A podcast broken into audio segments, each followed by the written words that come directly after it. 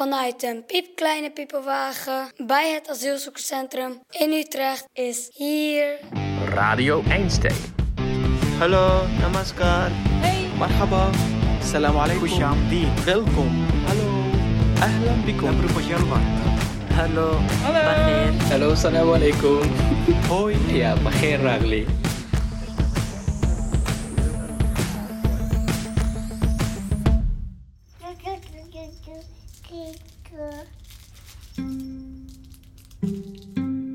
Je luistert naar Radio Einstein. Dit is de serie Dierbare Dingen, waarin we kennis maken met een aantal bewoners van het Utrechtse asielzoekerscentrum en ze vragen naar een bijzonder voorwerp. Een voorwerp met een verhaal.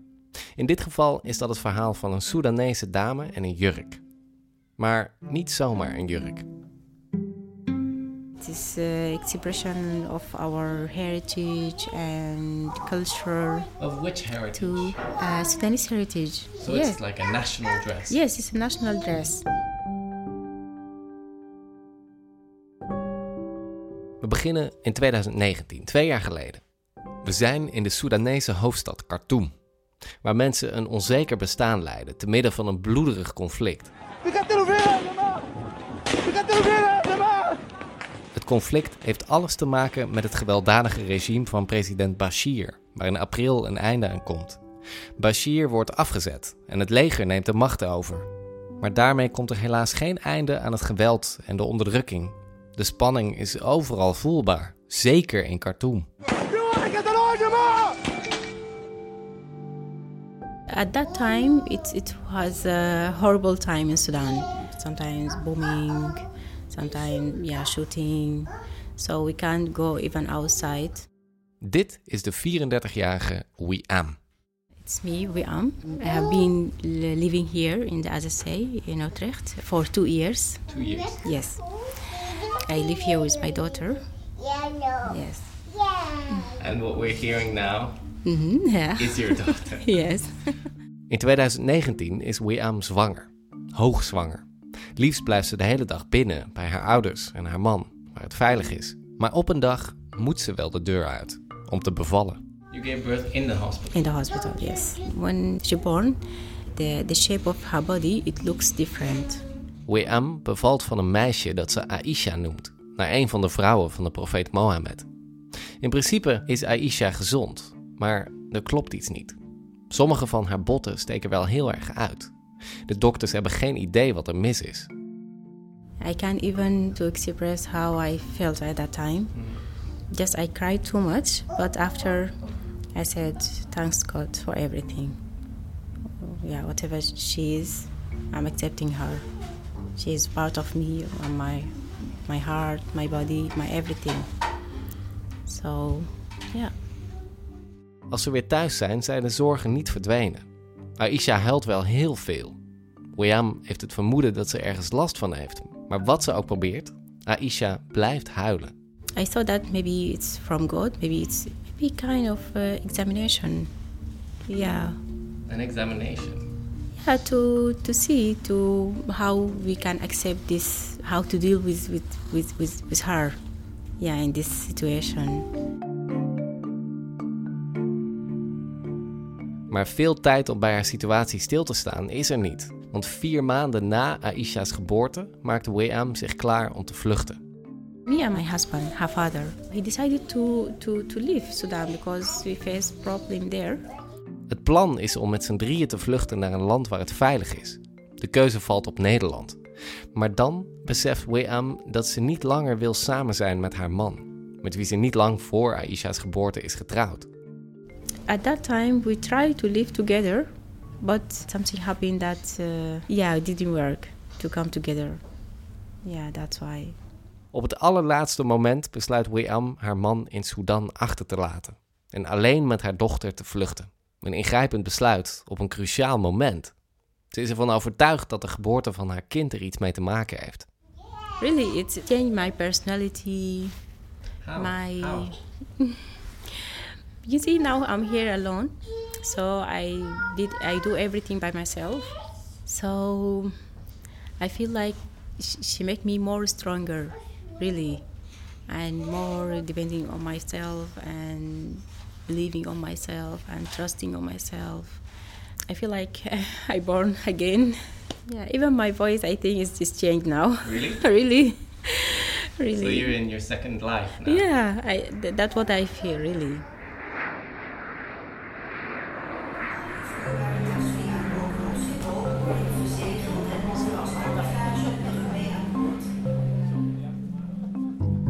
Eenmaal in Nederland gaat Wiam op zoek naar een ziekenhuis. Ze is per slot van rekening niet lang geleden bevallen. Ze komen terecht in het AMC in Amsterdam. Met Wiam is alles goed. Maar als de dokters Aisha onder de loep nemen, ontdekken ze iets opmerkelijks. She has a rare disease in the bones. Yeah, it's, it's called like uh, osteogenesis imperfecta. When they told me, I go and make search in Google about this disease and Yeah. yeah, to learn more about it. Uh, because at that time I don't have any touch with other people who has the same things. Or even the doctor who told me uh, she she don't have experience in, in this uh, in this disease. Osteogenesis imperfecta. Een zeldzame ziekte met als meest opvallende kenmerk de grote breekbaarheid van de botten. Eén verkeerde beweging en je arm is gebroken. Of je been, of je heup. Soms zelfs voordat je überhaupt geboren bent. When I see the doctor here, uh, he told me this all fracture happened for her when she was in my belly. Yeah, and it getting healed inside. That's why it, it took this shape. Met terugwerkende kracht snapte Wiam waarom Aisha zoveel huilde. Waarschijnlijk had ze als babytje al meerdere botten gebroken en crepeerde ze van de pijn. Nu, na het gesprek met de dokter in Amsterdam, besluit Wiam om vanaf dat moment haar dochtertje ten allen tijde in de gaten te houden.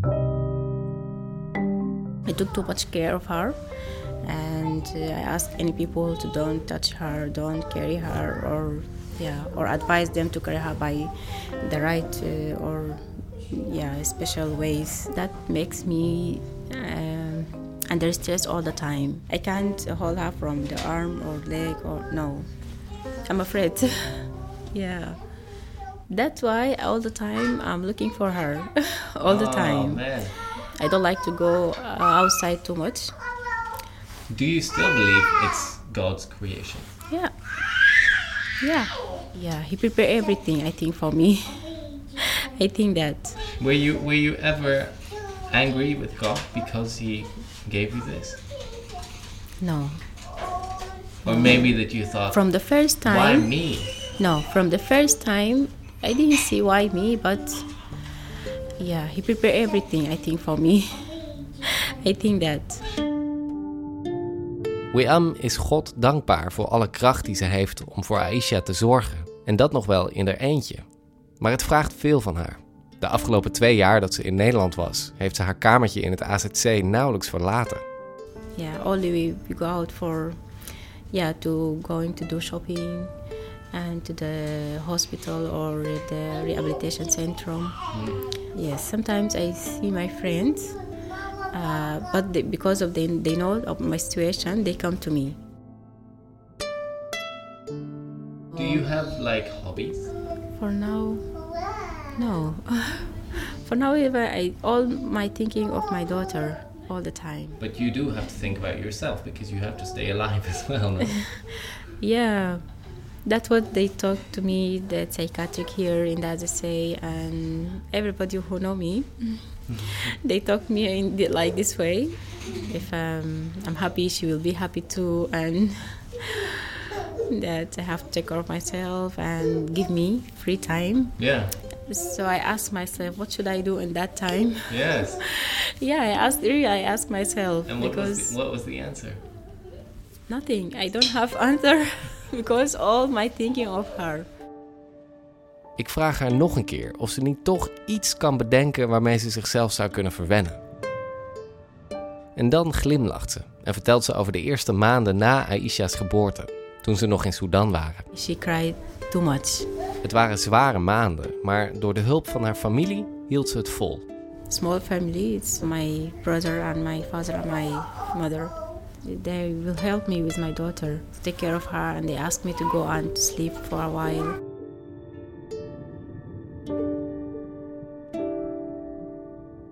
Op dit moment kan Wei-am zich moeilijk voorstellen hoe het is om tijd voor zichzelf te hebben. Maar als er al iemand is die dat mogelijk zou kunnen maken, dan zijn het wel haar vader, moeder en broertje, die vooralsnog in Sudan leven. Maar Wei-am droomt er wel eens van dat ze hier zijn, bij haar in het AZC. Dan zouden ze zo nu en dan even voor Aisha kunnen zorgen. En dan zou Wei-am er in haar eentje op uittrekken, terwijl ze haar favoriete jurk zou dragen. It's in a H&M bag. No, she's from. Yeah, this bag. Yes. Yeah, the bag is high. I saw that you said you said uh, I bought it from H&M.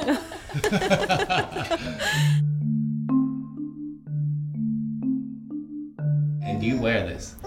In Sudan, yes, especially. Not here. Uh, no. It's colorful. The main color is pink, and blue and purple, light green, and quite happy. rose. yes, yeah. You know what? When uh, the women in Sudan, when they get married, they like to wear something that has uh, colorful to show like uh, happiness and uh, yeah Is it, was this your wedding dress? one of them Wiam heeft de jurk speciaal uit Sudan meegenomen, maar sindsdien ligt hij ongebruikt in de kast. Wie weet omdat hij haar doet denken aan haar mislukte huwelijk. Maar ze kijkt uit naar een nieuwe feestdag, die de jurk extra glans zou kunnen geven. Bijvoorbeeld de dag dat haar familie ook in Nederland komt wonen. En dat zou zomaar binnenkort kunnen gebeuren. Want een week geleden kreeg ze een belletje van haar advocaat. my lawyer Your lawyer called Yes, you. And what me. did he say? Uh, that IND gave us a positive decision and immediately I cried too much And did you then like do a little dance? no just crying just crying Wiam heeft haar verblijfsvergunning binnen.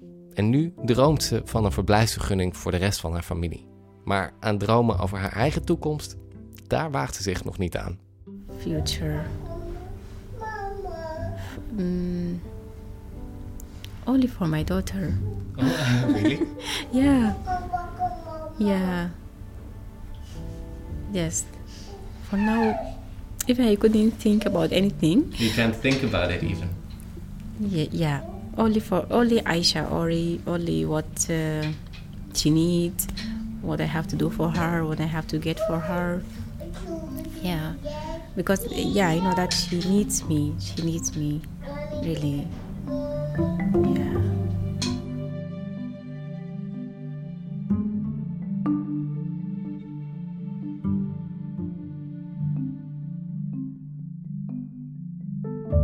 Tot zover het verhaal van Wiam.